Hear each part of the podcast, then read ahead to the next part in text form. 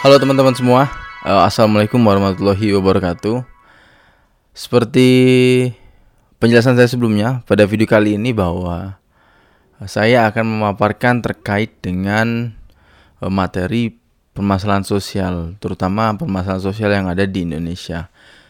Nah, kenapa materi ini perlu saya sampaikan supaya kita punya semacam gambaran yang sama dulu, kemudian juga punya pondasi yang sama sehingga nanti kerangka berpikir kita kuat. Kerangka berpikir kita terutama berkaitan dengan alasan kenapa begitu penting bagi kita masyarakat Indonesia untuk menjalankan uh, yang namanya bisnis sosial.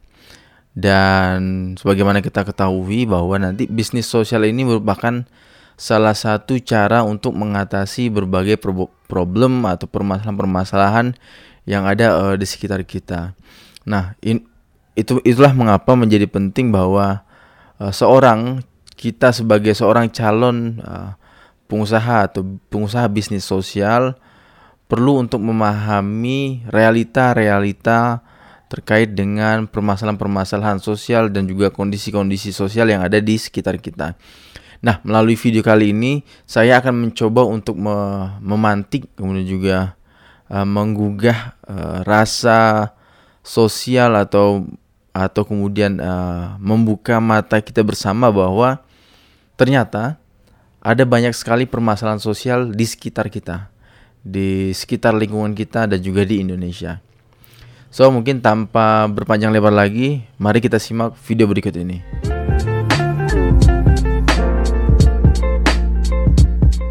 Baik, uh, halo teman-teman semua. Seperti di intro yang saya sampaikan di awal video ini. Jadi pada kesempatan kali ini saya akan menyampaikan terkait dengan uh, permasalahan sosial. Ini masih menjadi satu bagian dari uh, pertemuan kita, yang pertemuan pertama gitu ya. Permasalahan sosial. Nah, kita perlu punya pondasi yang sama dulu nih. Apa ini masuk dengan uh, permasalahan sosial bahwa permasalahan sosial itu adalah sebuah peristiwa atau kemudian juga fenomena yang mana hal tersebut diamini, yang diamini atau diyakini atau disetujui oleh banyak orang sebagai sebuah permasalahan. Sederhananya begini, kalau kita punya anjing di rumah atau punya kucing di rumah atau punya peliharaan hewan apa pun itu di rumah kemudian kemudian uh, hewan peliharaan kita tersebut mati, itu bisa jadi menjadi itu bisa mungkin bisa dianggap sebagai sebuah permasalahan bagi kita pribadi, tapi tidak bagi banyak orang. Nah, di sini kan konteksnya bahwa permasalahan sosial adalah segala sesuatu yang mana keadaan tersebut e, merusak tatanan kehidupan masyarakat atau mengganggu stabilitas e, social order, kemudian juga intinya adalah membuat masyarakat menjadi tidak nyaman. Dan rasa tidak nyaman tersebut diamini oleh e, banyak orang tidak hanya indiv, tidak hanya satu orang saja gitu. Maka di sini keywordnya adalah peristiwa yang diamini oleh banyak orang sebagai sebuah uh, problem.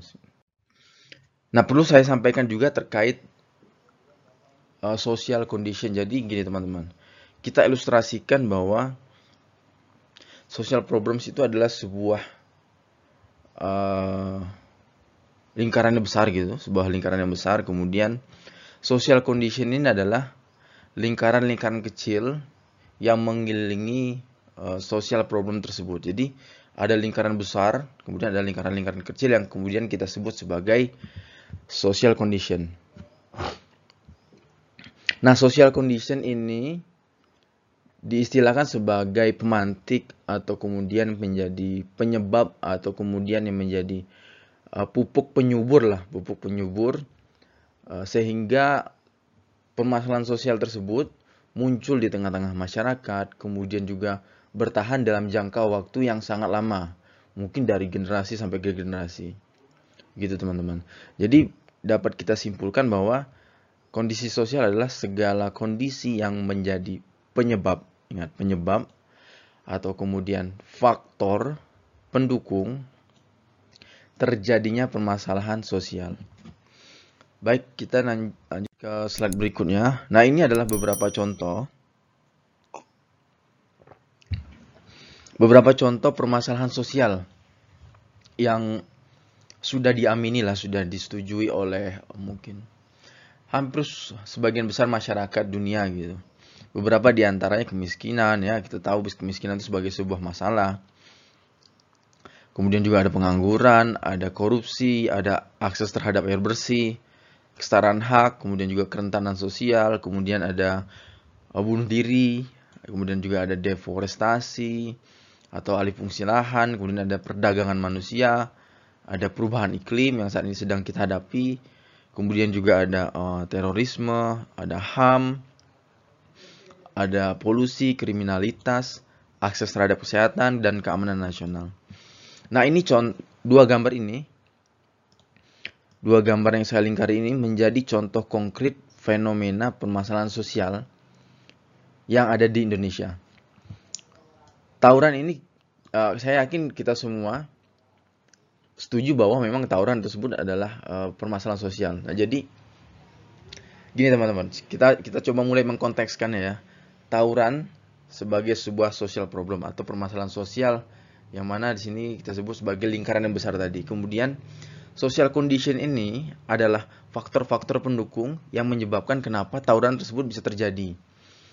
Pertama mungkin uh, social condition kurangnya pengawasan dari orang tua atau dari sekolah, kemudian juga ada social condition yang menyebabkan tawuran karena kenakalan remaja itu sendiri atau karena social condition uh, pergaulan bebas gitu. Jadi kita sudah mulai bisa ya uh, mencoba untuk mengartikulasikan perbedaan antara social problem sama social condition yang lebih kecil gitu. Termasuk ini juga pernikahan dini kita anggap sebagai sebuah fenomena sosial dan itu sebagai masalah yang ada di tengah-tengah masyarakat kita. Jadi eh, hampir sebagian besar penduduk di Indonesia menganggap bahwa orang yang menikah laki-laki sebelum umur 19 dan perempuan sebelum umur 19 dianggap sebagai uh, belum layak nikah, belum layak untuk mengikrarkan janji suci gitulah.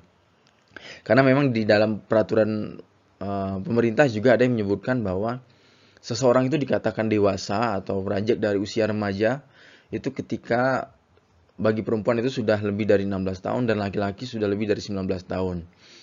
Nah, apabila terjadi pernikahan sebelum umur tersebut terpenuhi, maka ada semacam uh, penyelewengan lah. Kita melihat penyelewengan atau pelanggaran norma-norma hukum yang telah kita sepakati bersama.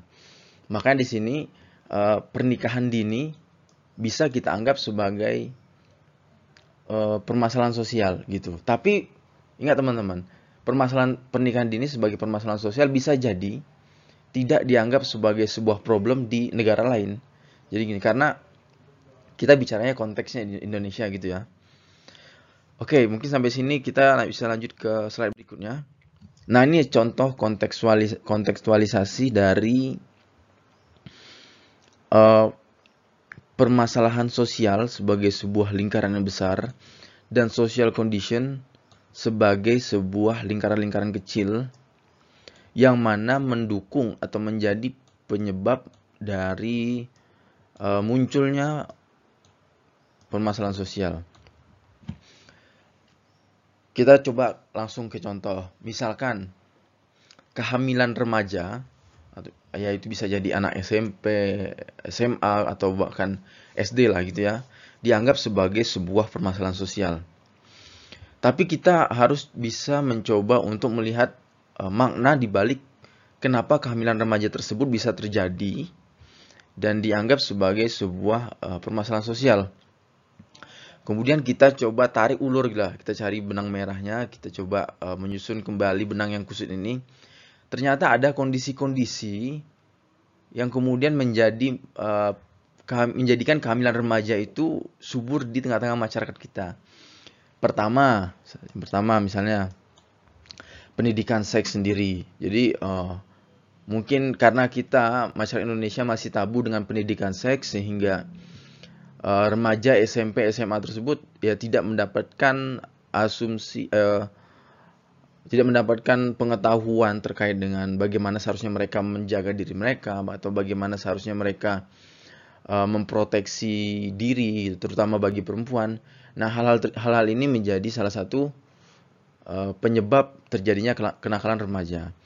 Atau mungkin kedua uh, bisa jadi karena broken home. Nah, kurangnya pengawasan dari orang tua, kemudian juga uh, pergaulan remaja, pergaulan bebas di sini nomor tiga atau kemudian kenakalan remaja itu sendiri nomor empat menjadi salah satu atau salah dua yang yang kita istilahkan sebagai social condition sehingga kena kehamilan remaja ini menjadi sangat masif di tengah-tengah masyarakat kita.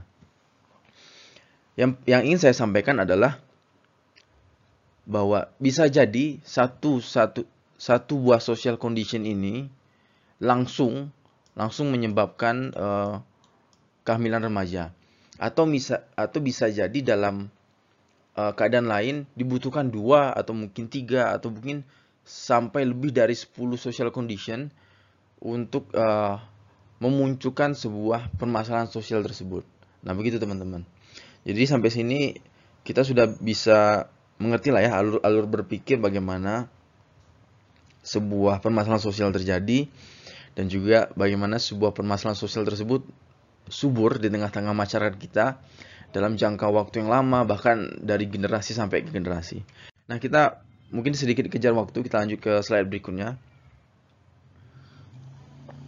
Ini ada beberapa teori yang pada umumnya digunakan untuk menganalisis sebuah permasalahan sosial. Dan kalau dulu teman-teman sekalian dari SMA-nya jurusan IPS mungkin udah familiar ya, sedikit familiar dengan teori-teori ini. Yang pertama yaitu teori uh, fungsional. Teori fungsional yang ini kita menganalisis masyarakat di level makro, masyarakat secara utuh, bukan individu-individunya. Dikemukakan oleh uh, Emil Durkheim, kemudian juga ada Talcott Person, ada Herbert Spencer. Bahwa disebutkan gini, langsung kita analogikan. Masyarakat itu ibarat seperti uh, tubuh manusia gitu, tubuh manusia. Tubuh manusia ini kan sebagai sebuah sistem yang berjalan tapi didukung oleh subsistem-subsistem kecil yang saling bekerja sama sehingga uh, tubuh manusia dapat berjalan atau berfungsi sebagaimana mestinya. Subsistem subsistem tersebut misalnya di sini ada ada ginjal, kemudian juga ada eh, paru-paru, uh, ada ada otot, kemudian juga ada uh, ada otak yang mengontrol bagaimana seharusnya tubuh digunakan atau tubuh fungsi gitu. Nah, teman-teman ibaratkan bahwa terjadi e, kesalahan atau terjadi ketidak berfungsian dari salah satu subsistem yang ada di dalam tubuh kita. Misalkan gini, ginjal kita tidak berjalan sebagaimana mestinya. Akibatnya adalah tubuh kita tidak dapat memproses e, makanan dengan baik sehingga penyaringan terhadap racun menjadi tidak optimal. Akibatnya adalah dalam jangka waktu panjang uh, muncul penyakit-penyakit baru yang mungkin sulit untuk disembuhkan. Nah, kita melihat masyarakat sama seperti itu. Jadi masyarakat ini adalah sebuah sistem yang sangat besar yang di dalamnya terdapat subsistem-subsistem kecil. Di dalamnya ada uh, keluarga sebagai institusi, ada pemerintah, ada kemudian juga ada industri, ada media dan ada banyak sekali institusi-institusi lainnya gitulah. Nah, institusi ini atau atau subsistem ini semua saling uh, terjaring satu dengan yang lainnya. Ketika salah satu subsistem tidak berjalan sebagaimana mestinya, maka akan terjadi yang namanya penyakit sosial atau disfungsi sosial. Di sini maka disebutkan uh, ada disfungsi dan akan menjadi threat to social order, akan menjadi ancaman kepada masyarakat secara keseluruhan. Sebagai contoh, misalkan uh, keluarga lah keluarga dalam konteks ini tidak mampu menjalankan fungsi sosialnya sebagai tempat anak untuk uh, mencari keamanan, mencari kasih sayang dari orang tua. Akhirnya apa? Akhirnya anak menjadi terlantar, menjadi uh, nakal, mencoba mencari perhatian di mungkin dari luar rumah, di jalan, mencari hal-hal yang kemudian sulit untuk dikontrol oleh uh, orang tua ketidakberfungsian keluarga sebagai sebuah subsistem tadi akibatnya merusak uh, tatanan kehidupan masyarakat yang sebelumnya mungkin sudah sudah mapan, sudah aman, sudah tenang gitu. Nah, sama juga bisa kita contohkan dari segi industri lah industri. Ketika ternyata industri atau pasar gitu tidak mampu untuk memberikan atau menawarkan lowongan pekerjaan yang cukup bagi semua masyarakat di Indonesia akibatnya adalah terjadi pengangguran.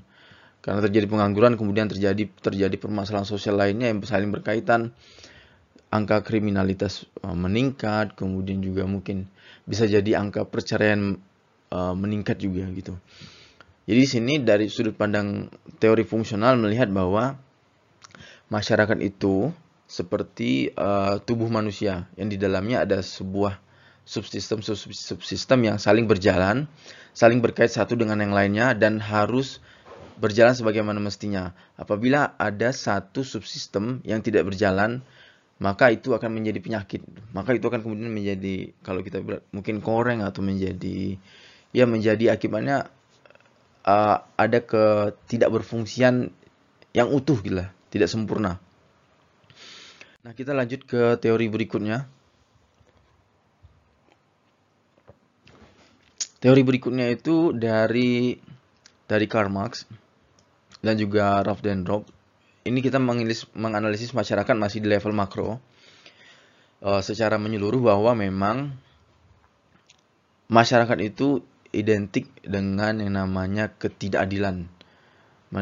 Ketidakadilan kemudian juga inequalities dan ketidakadilan tersebut uh, menciptakan kelas-kelas atau kelompok-kelompok atau tingkatan atau kemudian pembagian-pembagian di tengah-tengah masyarakat. Nah dulu konteksnya adalah Karl Marx misalnya. Dia me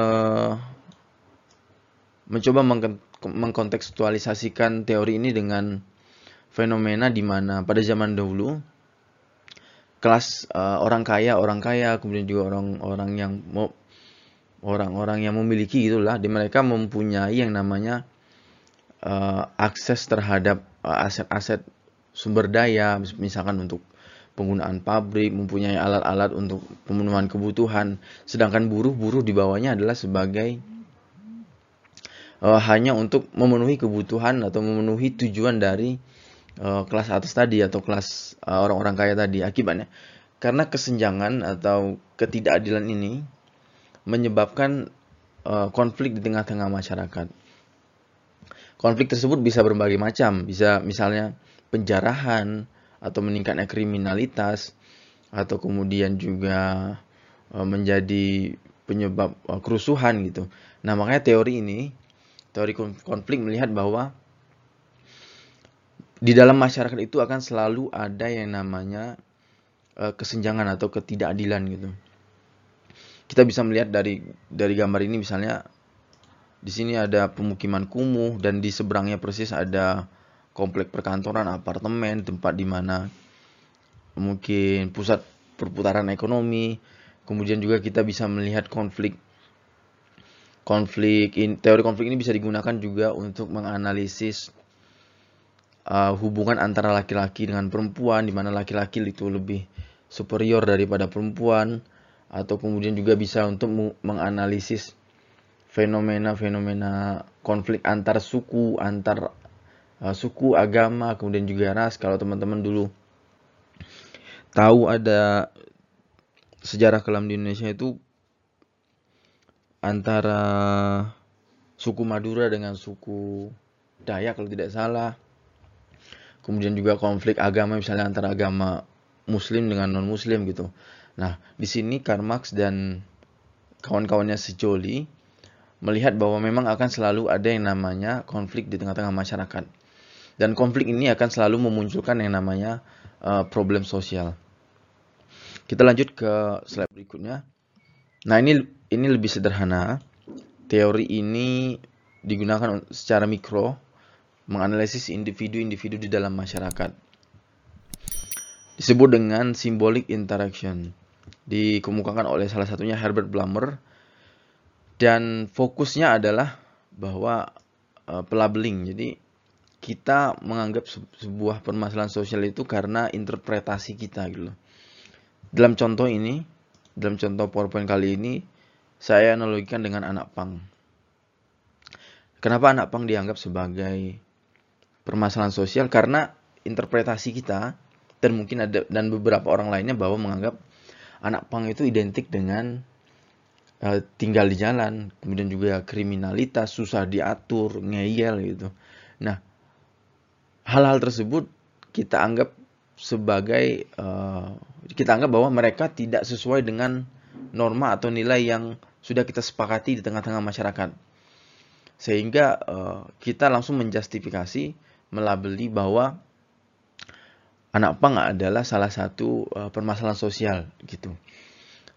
Contoh lainnya misalnya gini, ketika kita melihat uh, seorang perempuan uh, merokok di tempat-tempat umum gitu selama ini kita kita me, menyepakati bahwa perempuan itu seharusnya uh, tenang, kemudian juga uh, pembawaannya halus, kemudian adem gitu. Nah, ketika ada perempuan yang menyimpang atau menyalahi norma-norma yang kita sepakati sebelumnya, yang disepakati oleh masyarakat pada umumnya, maka kita melabeli bahwa perempuan yang merokok itu adalah sebagai permasalahan sosial. Nah, di sini di sini yang ditekan pada teori ini yang ditekankan adalah interpretasi kita sebagai individu terhadap individu atau kelompok lainnya di tengah-tengah masyarakat. Kita lanjut ke slide berikutnya. Nah, kemudian bagaimana realitas di Indonesia terkait dengan permasalahan sosial? Saya berangkat dari laporan Social Development Goals yang dikeluarkan oleh pemerintah tahun 2019. Karena saya, saya rasa Eh, data-data di dalam laporan tersebut cukup akurat untuk menggambarkan bagaimana uh, fenomena atau kondisi sebenarnya yang terjadi di eh, tengah-tengah uh, masyarakat kita. Ini gambaran umum terlebih dahulu. Nah, pada tahun 2015 di sini teman-teman bisa melihat bahwa uh, angka penduduk usia produktif 16 maaf 16 dari sini sampai sekitar 54 tahun itu jumlahnya sangat banyak. Artinya apa? Kita sering mendengar istilah dengan bonus demografi di mana angkatan kerja itu uh, usia atau penduduk dengan usia angkatan kerja sangat banyak gitu lah.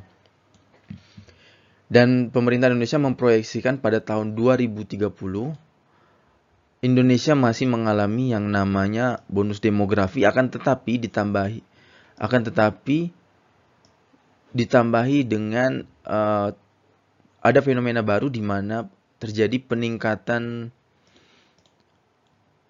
usia lansia. Pada tahun 2015 uh, penduduk yang berusia sekitar di sini ada sekitar uh, 75 tahun itu berjumlah hanya sekitar dua setengah juta orang. Namun pada tahun 2030 diproyeksikan akan terjadi dua kali lipat yaitu sekitar 4,8. Artinya apa? Artinya akan ada banyak akan ada banyak sekali tantangan-tantangan baru atau permasalahan-permasalahan sosial yang muncul dan mungkin bisa jadi penyelesaiannya atau upaya-upaya untuk menanganinya akan sangat berbeda dengan tahun-tahun sebelumnya, dengan tahun sekarang, tahun 2019 gitu. Kita lanjut ke slide berikutnya. Nah, ini gambaran umum. Seperti yang saya sebutkan di awal bahwa sekitar 68,7% penduduk Indonesia saat ini dikategorikan sebagai penduduk usia produktif yaitu berumur sekitar 15 sampai 64 tahun dan kemudian distilahkan dengan bonus demografi. Di sini yang perlu kita tanyakan adalah apakah itu sebagai peluang atau sebagai tantangan. Menjadi peluang apabila memang tersedia lapangan pekerjaan yang mungkin sangat banyak dan dan membutuhkan penyerapan uh, penduduk dengan usia angkatan kerja angkatan kerja yang sangat banyak gitu. Akan tetapi menjadi tantangan apabila ternyata realitasnya di tengah-tengah masyarakat bahwa lapangan pekerjaan itu sangat sedikit, kemudian juga mungkin dikuasai oleh sebagian orang, sedangkan usia penduduk dengan kategori uh, angkatan kerja itu sangat berlimpah, sangat banyak. Akibatnya apa? Akibatnya tidak tidak semua penduduk usia produktif terserap ke dalam lapangan pekerjaan. Sehingga muncul yang namanya pengangguran.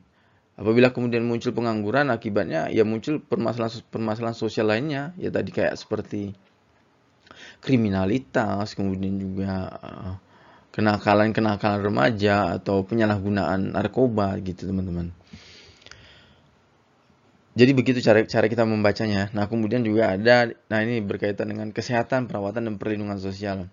Di slide sebelumnya saya sebutkan bahwa pada tahun 2030 kemungkinan ada peningkatan sekitar dua kali lipat jumlah lansia di Indonesia. Artinya apa? Bahwa dibutuhkan infrastruktur atau fasilitas pelayanan kesehatan yang lebih mumpuni lah dibanding tahun-tahun sebelumnya. Karena kalau kalau hal tersebut tidak dilakukan, ya mungkin akan terjadi oh, permasalahan-permasalahan sosial baru yang ya sampai saat ini kita belum tahu gitu. Kemudian juga ada uh, satu dari tiga anak berusia lima tahun di Indonesia itu ter, uh, mengalami yang namanya stunting atau pengkerdilan. Dan mirisnya adalah kita Indonesia ini sebagai salah satu negara tertinggi di ASEAN yang mengalami uh, stunting. Jadi di sini konteksnya adalah bahwa memang uh, tidak semua anak di Indonesia punya akses terhadap uh, kebutuhan gizi atau kemudian juga makanan yang sehat untuk untuk mereka uh, mereka asupi selama masa pertumbuhan sehingga akibatnya adalah terjadi yang namanya stunting. Nah, kalau kita telisik lebih jauh, apa yang menyebabkan anak mungkin tidak mendapatkan gizi baik ya bisa jadi mungkin karena kondisi perekonomian orang tua atau mungkin dari uh, anak yang tidak diurus orang tua dan berbagai macam hal-hal hal-hal lainnya gitu. Uh, selanjutnya ada ya biasa ada ancaman terhadap kerawanan pangan di tengah perubahan iklim dan juga saya tambahi di sini uh, alih fungsi lahan alih fungsi lahan. Kemudian juga ada yang namanya uh, urbanisasi di mana masyarakat pedesaan pada umumnya langsung pergi ke kota untuk mencari penghidupan yang lebih baik gitu. Nah, perubahan-perubahan seperti itu kemudian akan memunculkan ya permasalahan-permasalahan sosial yang beraneka ragam lah intinya gitu. Dan yang paling unik adalah ternyata pertumbuhan ekonomi di Indonesia itu hanya dinikmati oleh 20% penduduk di Indonesia gitu loh. Artinya dari dari 230 juta penduduk di Indonesia hanya sekitar 46 juta atau 50 juta penduduk saja yang menikmati pertumbuhan ekonomi di Indonesia ini.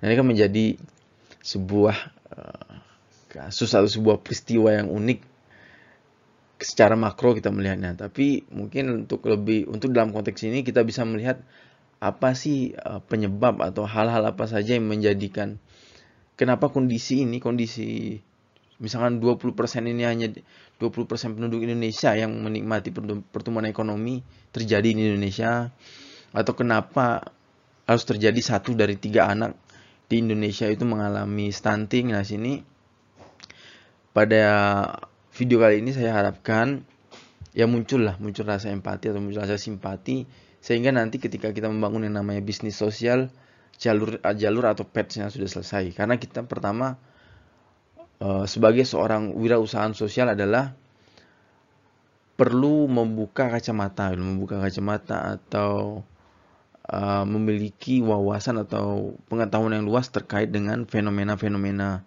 sosial yang ada di tengah-tengah masyarakat ini. Nah, ini berbicara tentang kemiskinan.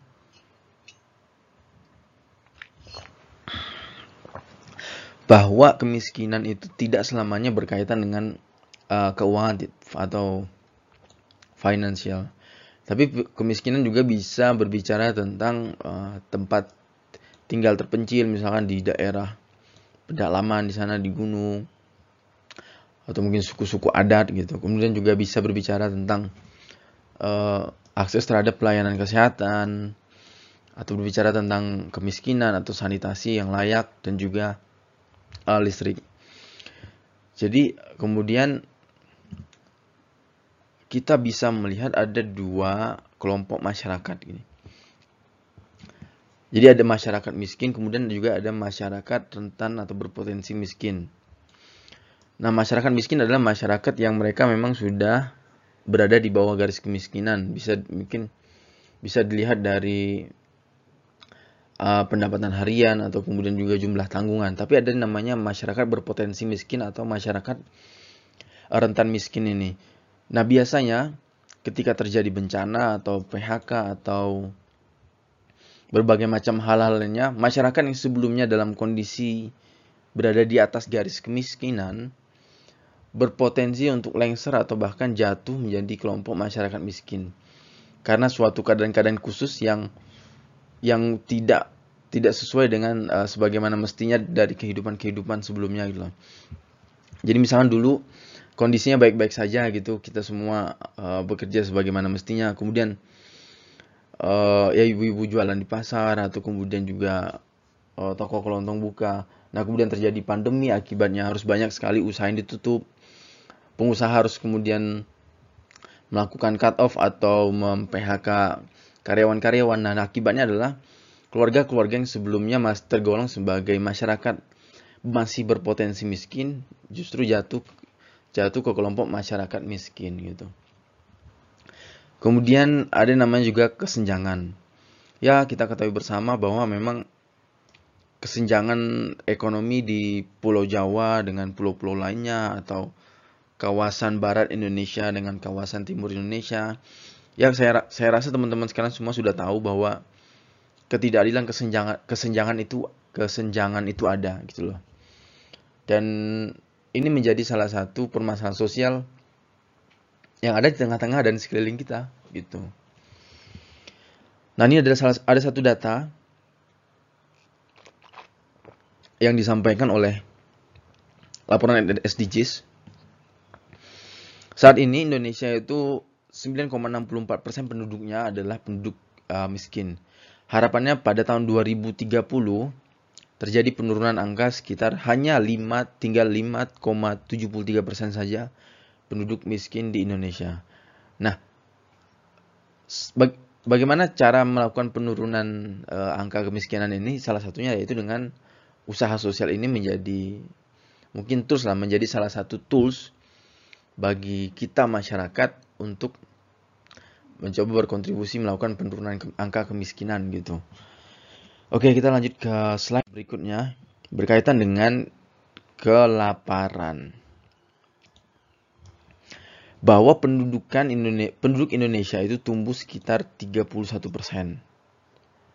Sehingga pada tahun 2050 seharusnya uh, terjadi peningkatan produksi pertanian itu seharusnya sampai 60% gitu. Artinya hampir satu kali hampir dua kali lipat dari uh, jumlah produksi saat ini. Apabila hal tersebut tidak dilakukan, maka kemungkinan yang terjadi adalah pertama, angka kelaparan akan meningkat. Kemudian juga kalau kelaparan meningkat apa yang akan terjadi? Gizi buruk kembali lagi gizi buruk akan jumlah anak dengan gizi buruk atau stunting akan kembali meningkat gitu. Nah, mengapa jumlah produksi pertanian sangat sulit untuk ditingkatkan tahun di tahun-tahun berikutnya sampai tahun 2050? Karena ada fenomena-fenomena yang namanya misalnya urbanisasi tadi. Jadi banyak penduduk desa atau anak muda desa yang mereka pergi ke kota, kemudian juga kerja di pabrik atau kerja di perkantoran sehingga uh, tidak ada lagi orang tidak ada lagi orang yang meneruskan uh, budidaya atau uh, sektor-sektor pertanian menjadi terputus gitu loh atau kemudian ada faktor-faktor lain seperti alih fungsi lahan dari sebelumnya eh, daerah sawah kemudian disulap menjadi uh, perumahan atau daerah sawah kemudian disulap menjadi kolom apa eh, tempat-tempat pabrik industri dan berbagai macam hal-hal lainnya gitu. Dan juga uh, ini kalau kita lihat data ini bahwa pada tahun 2000 17 ini 2017 skala kerawanan pangan kita itu berada di antara di angka 8,26. Ingat ini ada skala kerawanan pangan 0 sampai 10. Artinya masih masih sangat cukup tinggi teman-teman. Kita berada di angka 8 mana nih? Di angka 8,26 Sedangkan angka tertinggi adalah angka 10 di sini. Kita hanya beda, hanya beda 2, 2 poin. Dan harapannya pemerintah mencoba untuk menurunkan angka kerawanan pangan tersebut pada tahun 2030 menjadi hanya 490%. Jadi pemerintah sedang berupaya untuk uh, mencoba menurunkan uh, kemungkinan-kemungkinan kekurangan konsumsi atau kemungkinan-kemungkinan uh, ketidaktersediaannya pangan di pangan nasional di Indonesia. Nah begitu teman, itu menjadi salah satu masalah sosial yaitu uh, terkait dengan kelaparan. Selanjutnya ada yaitu berkaitan dengan kehidupan sehat dan sejahtera. Nah ini karena mungkin baterainya agak sedikit, tinggal sedikit kita percepat ya. Nih, angka kematian ibu per 100 ribu. Pada tahun 2015 itu ada sekitar 305 ibu yang meninggal. Dari 100 ribu ibu, dari 100 ribu ibu ya ibu. Kemudian juga pada harapannya adalah pada tahun 2030 pemerintah harapannya terjadi penurunan angka kematian ibu dari 210 eh dari 305 hanya menjadi 210 uh, eh, angka kematian ibu per 100 ribu. Ini adalah BAU ini istilahnya business as usual. Jadi artinya tidak ada intervensi, tidak ada tidak ada terjadi hal-hal yang tidak diinginkan gitu loh. Tidak ada bantuan dari pemerintah. Jadi masyarakat hidup sebagaimana mestinya berjalan dengan normal gitu. Nah, kalau inter intervention skenario ini adalah pemerintah melakukan atau melakukan intervensi gitulah untuk men, untuk melakukan penurunan angka kematian ibu ini. Misalnya dengan uh, memberikan bantuan uh, pangan gizi kepada ibu atau memberikan yang atau menerbitkan peraturan-peraturan yang yang yang apa? Yang intinya adalah melakukan perlindungan terhadap ibu gitu. Nah, apabila dilakukan inter, intervention skenario atau skenario intervensi maka harapannya adalah terjadi penurunan sampai dengan tiga kali lipat dari 305 turun jadi 131 kematian ibu per 100 penduduk 100 ribu ibu uh, pada tahun 2030. Nah ini ada beberapa data lagi akan saya sebutkan secara cepat. Ada uh, ini angka kematian balita balita bahwa pada tahun 2015 itu sekitar uh, dari 1000 balita ada sekitar 34 sampai 35 yang meninggal. Harapannya pada tahun 2030 terjadi penurunan hingga uh, satu kali lipatnya lah. Jadi hanya 24 sampai 25 balita saja yang meninggal uh, per 1000 balita. Atau justru kalau memungkinkan hanya 18 balita yang meninggal per 1000 uh, balita.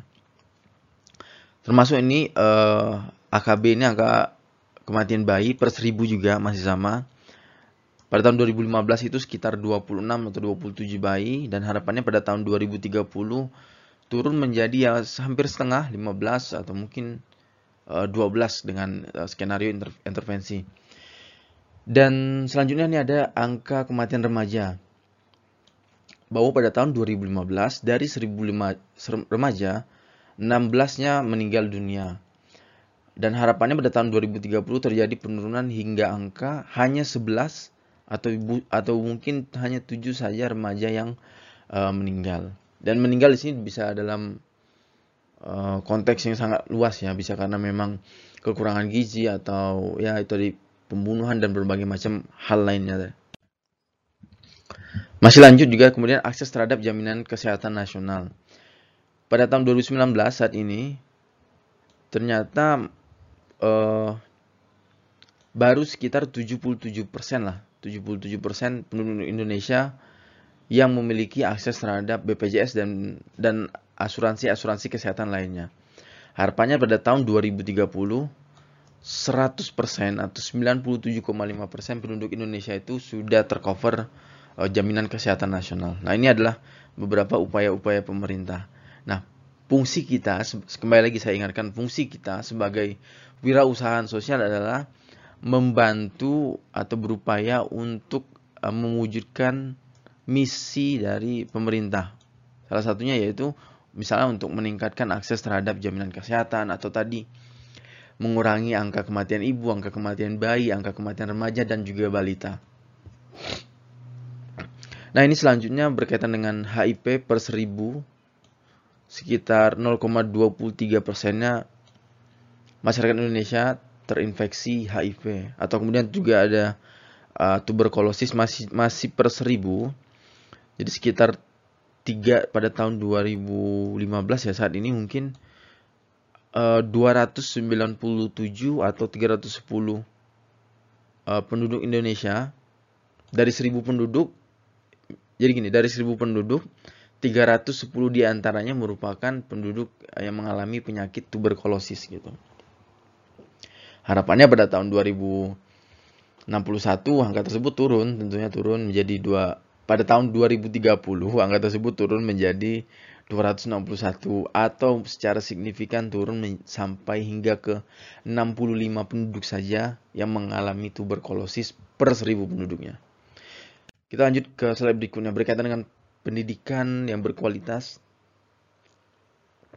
Kalau ini mungkin sudah tidak perlu saya jelaskan dalam oh, konteks yang panjang lebar ya, karena kita melihat sendiri memang realitasnya pendidikan kita masih masih tidak adil, masih senjang, terjadi kesenjangan antara perkotaan dan kemudian perdesaan antara pendidikan dengan kawasan barat Indonesia dengan kawasan timur Indonesia, antara pendidikan di Pulau Jawa dengan pulau, beberapa pulau-pulau lainnya gitu. Nah, yang uniknya adalah uh, kita itu no, nomor 62 dari 72 negara partisipan ini OE, OECD ini adalah Organization Economic Corporation for Development. Jadi kerjasama ekonomi dan pembangunan. Jadi ada 72 negara dan kualitas pendidikan kita itu berada di nomor 62 dari 7, dari 72 artinya ranking 10 tapi dari bawah. Nah kan masih ya masih menjadi miris lah. Nah, kembali lagi saya fungsi wirausaha sosial adalah mengcapture fenomena-fenomena ini dan kemudian melihat bagaimana kita sebagai usahawan sosial mencoba untuk menawarkan atau menyodorkan uh, upaya-upaya untuk ya misalkan dalam konteks ini memberikan pendidikan berkualitas gitu. Nah, kita masuk ke berikutnya yaitu kesetaraan gender. Nah, ini, oh, pada pada ini misalkan uh, berbicara tentang sebentar teman-teman kontrol E pernikahan anak termasuk kekerasan HAM. Karena apa? Ya akses anak terhadap pendidikan terhadap kesehatan terhadap dan juga potensi pendapatan serta keamanan itu menjadi berkurang atau bahkan hilang gitu. Pernikahan dini itu kadang um, calon perempuan atau calon laki-laki lah gitu tidak siap secara mental kemudian juga tidak siap fisiknya tidak siap spiritualnya dan yang pasti tidak siap secara uh, perekonomian lah karena mungkin bisa jadi belum kerja atau belum menyelesaikan pendidikan dan berbagai macam hal lainnya. Nah, kalau kita lihat di sini pada data ini bahwa ternyata ada sekitar 12% penduduk Indonesia itu yang berumur sekitar umur yang didata itu sekitar umur 20 sampai 24 tahun. Mereka dulunya nikah sebelum umur 18 tahun. Nah, harapannya terjadi penurunan hingga berapa ini ya? Dari 12 sampai mana nih? Dari 12 sampai 4 12,14 sampai 10,3 atau bahkan justru 6,94 persen yang melakukan pernikahan dini.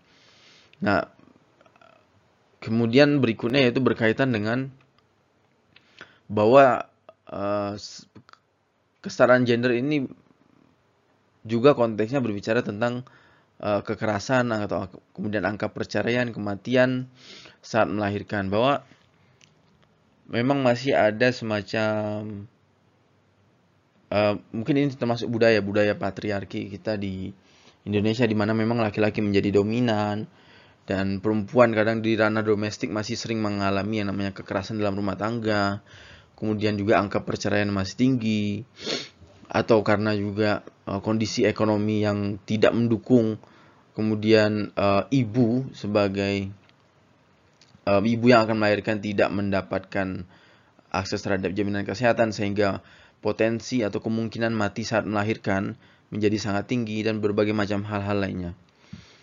Dan pada umumnya, pada umumnya terjadi fenomena-fenomena nikah dini atau kekerasan ini terjadi di daerah pedesaan. Kemudian ada uh, akses terhadap air bersih dan sanitasi layak. Satu dari empat balita mengidap diare, teman-teman. Ingat. Kemudian 30,8% anak balita mengalami stunting. Karena apa? Karena kita memang salah satu negara tertinggi di ASEAN yang penduduknya mengalami stunting. Nah, di sini berbicara tentang air bersih. Jadi kondisi kita saat ini adalah baru sekitar eh, tahun 2015 lah, baru sekitar 86,96% penduduk Indonesia yang memiliki akses terhadap air bersih. Harapannya adalah pada tahun 2030 hampir 100% penduduk Indonesia punya akses lah, punya kesempatan untuk mendapatkan air bersih dan juga uh, air bersih untuk entah itu untuk mandi atau untuk digunakan juga untuk konsumsi gitu. Nah, berbicara tentang sanitasi masih sama ternyata pada tahun 2015 baru sekitar 67,95 saja dari penduduk seluruh dari 230 juta penduduk Indonesia yang punya akses terhadap sanitasi yang layak. Sanitasi di sini misalnya MCK ya, MCK kemudian juga kondisi lingkungan yang bersih gitu. Harapannya pemerintah pada tahun 2030 uh, eh, terjadi peningkatan nah, seluruh masyarakat Indonesia memiliki akses terhadap sanitasi yang layak gitu. Berikutnya berbicara tentang energi bersih dan terjangkau. Pada tahun 2015 uh, gini 785 penduduk itu sebentar oh konsumsi gini jadi konsumsi listrik per kapita pada tahun 2015 kita, uh, masih ada sekitar 785 atau 1000 masih mengkonsumsi sekitar 1000 kilowatt per hour gitu. Nah, harapannya pada tahun 2031 angka konsumsi listrik per kapita itu meningkat hingga mencapai 3201 kilowatt per hour. Jadi asumsinya adalah peningkatan konsumsi listrik per kapita atau rumah tangga ini sejalan dengan peningkatan pendapatan. Karena apa? Karena artinya uh, masyarakat sudah punya uh, spend lebih terhadap uh, penggunaan penggunaan listrik. Kalau listrik listrik penggunaan listrik meningkat artinya bisa jadi ada peningkatan uh, peningkatan angka produksi atau hal-hal uh, lainnya yang berkaitan dengan peningkatan taraf hidup uh, keluarga atau mungkin masyarakat secara umum. Kita lanjut ke slide berikutnya.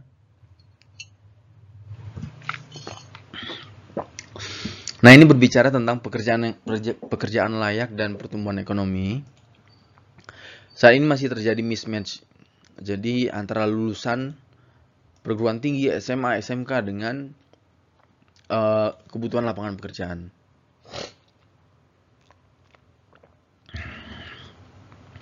Kemudian juga ada permasalahan yang namanya lapangan kerja tidak inklusif sehingga partisipasi kelompok rentan rendah.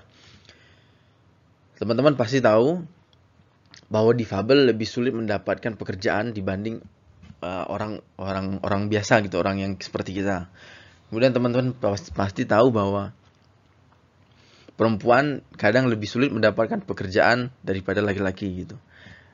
Nah di sini makanya dibutuhkan yang namanya lapangan pekerjaan yang inklusif kemudian juga uh, peran kita sebagai calon usahawan sosial adalah menciptakan lapangan pekerjaan tersebut yang mana mungkin lebih inklusif, lebih proaktif terhadap kelompok-kelompok rentan, kelompok-kelompok marginal gitu. Dan juga uh, berbicara terkait dengan perlindungan sosial bagi tenaga kerja. Memang uh, perlindungan terhadap tenaga kerja, terutama tenaga kerja informal baru baru-baru akhir atau 5 sampai 10 tahun belakangan dimasifkan pemerintah Indonesia terutama dengan kemunculan eh, BPJS ketenaga kerjaan gitu.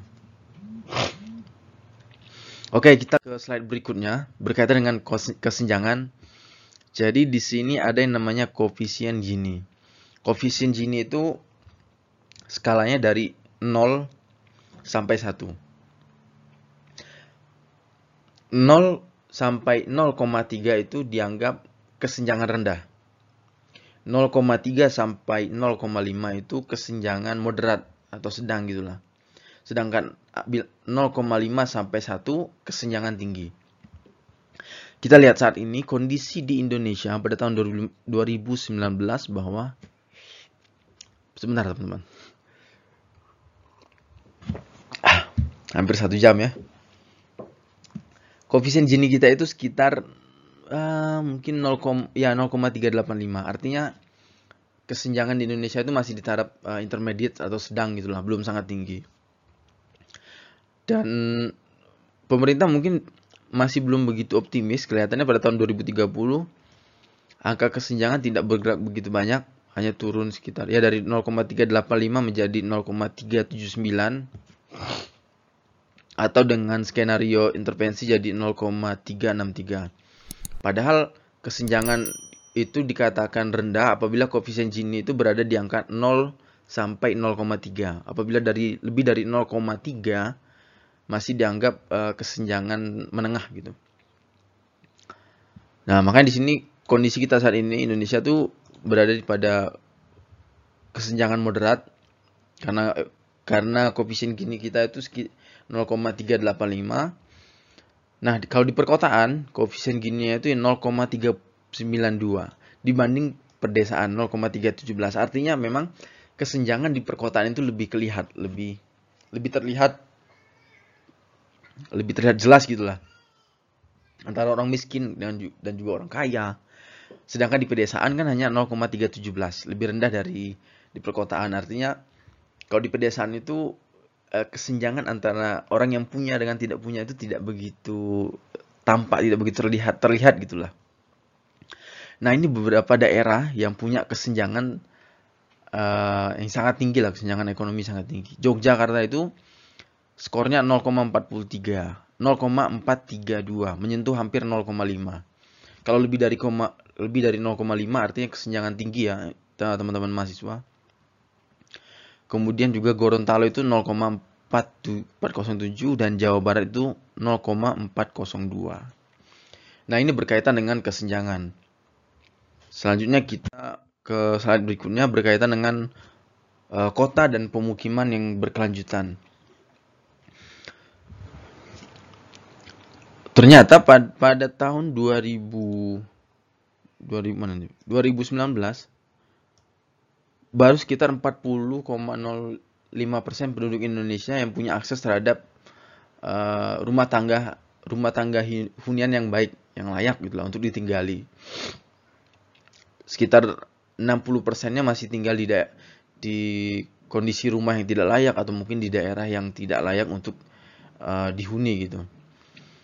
Nah ini adalah sebuah uh, kerangka berpikir yang menurut saya masuk akal Tadi kita saya sebutkan di slide sebelumnya bahwa pertumbuhan penduduk itu sekitar 30% ya. Jadi pada tahun uh, bahwa laju laju pertumbuhan penduduk Indonesia itu berada di angka 30%. Artinya akan pada suatu saat akan terjadi yang namanya ledakan penduduk. Kemudian juga yang akan terjadi yang namanya kelangkaan tanah. Kenapa terjadi kelangkaan tanah? Karena ada namanya alih fungsi lahan. Alih fungsi lahan dari sebelumnya uh, hutan dijadikan perkebunan atau hutan dijadikan ladang pertanian atau sebelumnya yang ladang pertanian seperti sawah, seperti kebun, kemudian dijadikan tempat-tempat industri, lahan yang sebelumnya banyak itu kemudian menjadi uh, menyempit.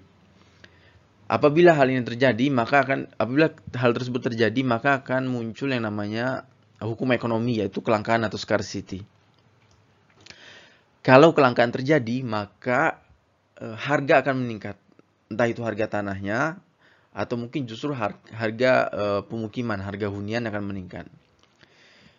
Karena mayoritas masyarakat Indonesia uh, belum mempunyai akses atau belum sanggup untuk uh, mentackle atau melompati tantangan-tantangan tadi, tantangan ledakan penduduk, kelangkaan tanah atau harga hunian tinggi mereka tidak punya akses, tidak punya kesempatan yang sama seperti orang-orang kaya, maka tidak menutup kemungkinan beberapa persen atau mungkin setengah penduduk Indonesia uh, masih sulit untuk mendapatkan akses terhadap hunian yang layak.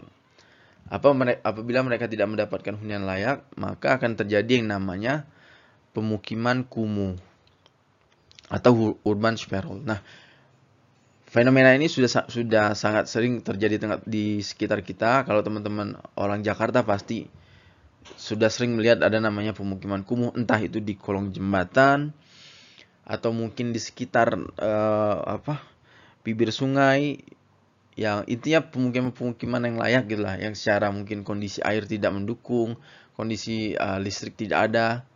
Dan juga hal-hal kebutuhan dasar hidup lainnya sulit untuk diakses di tempat tersebut nah itu berkaitan dengan uh, permasalahan sosial bahwa ternyata hampir 50% dari penduduk Indonesia itu masih kesulitan untuk mendapatkan tempat tinggal yang layak Oke, kita ke slide berikutnya yaitu konsumsi dan produksi yang bertanggung jawab. Nah, ini berkaitan dengan sampah.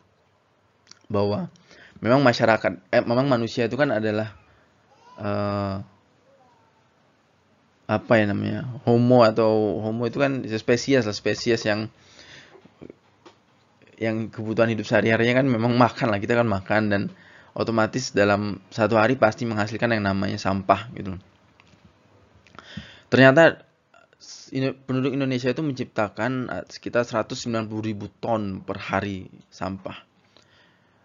25 ribu tonnya itu merupakan sampah plastik.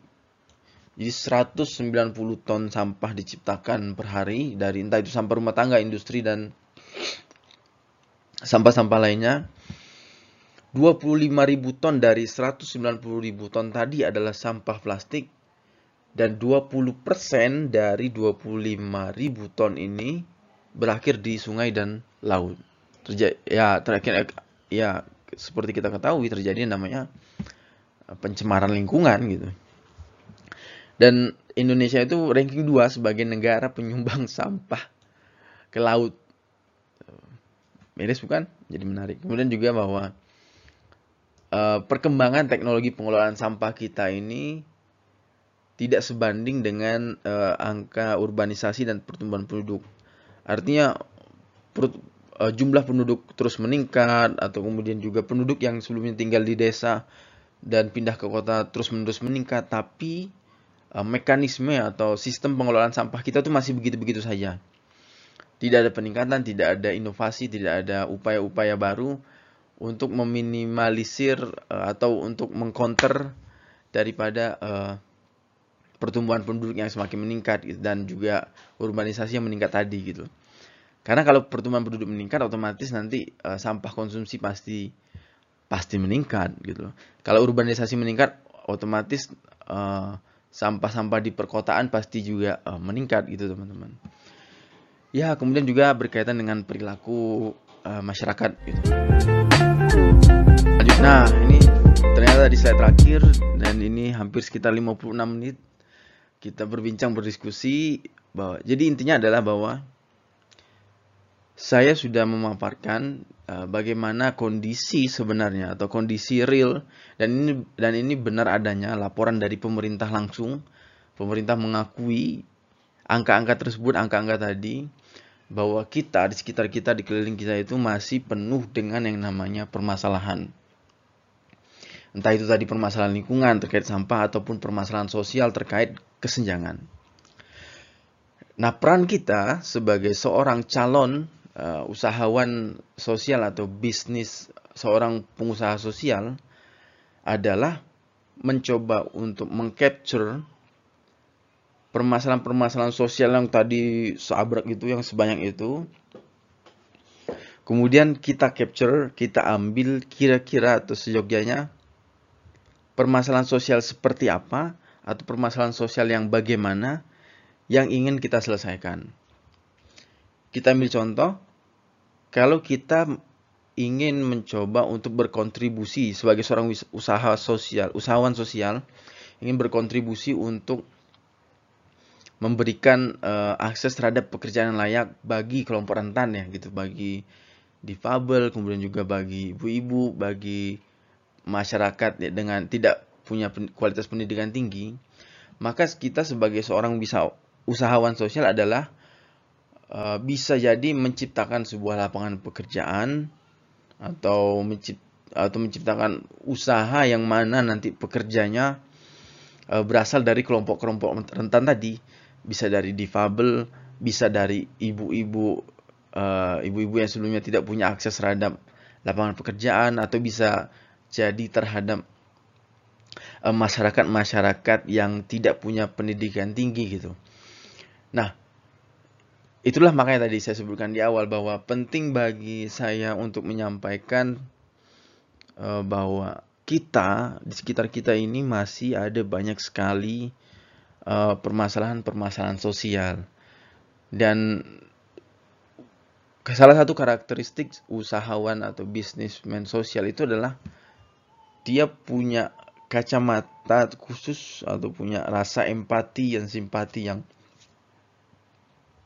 yang lebih besar atau lebih dominan daripada uh, bisnismen pada umumnya bisnismen yang komersil bahwa seorang usahawan sosial itu punya misi, punya visi loh bahwa dia ingin memperbaiki tatanan tatanan uh, kehidupan masyarakat dengan cara mentekel atau Eh, mengatasi atau mengurangi tingkat atau intensitas permasalahan sosial yang ada di sekitarnya.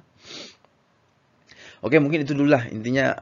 Uh, saya harap teman-teman sekalian sudah teman-teman semua sudah terbuka bahwa matanya bahwa di sekitar kita ada sekali ada sekali banyak masalah sosial dan harapannya sudah punya gambaran kira-kira apabila ingin membangun bisnis sosial ke arah mana atau atau problem sosial apa yang ingin ditackle atau yang atau yang ingin dihadapi. Jadi uh, intinya bisa bisa mempermudah jalannya kita untuk membangun yang namanya sebuah bisnis sosial. Sehingga uh, proses kita menjadi seorang wirausahawan sosial itu menjadi lebih mudah karena kita sudah peka terhadap kondisi sosial kita, terhadap kondisi ketimpangan atau ketidakbenaran atau keadaan yang tidak uh, sesuai dengan norma dan nilai yang kita sepakati dengan masyarakat pada umumnya. Oke teman-teman, mungkin cukup sekian dulu video kali ini. Ini adalah masih video yang berhubungan dengan pertemuan yang pertama uh, dengan video RPS. Pada video berikutnya akan kita akan pindah langsung membahas terkait dengan kewirausahaan dan kewirausahaan sosial. Jadi tetap simak video-video berikutnya, oke? Okay? Uh, cukup sekian dulu dari saya. Assalamualaikum warahmatullahi wabarakatuh.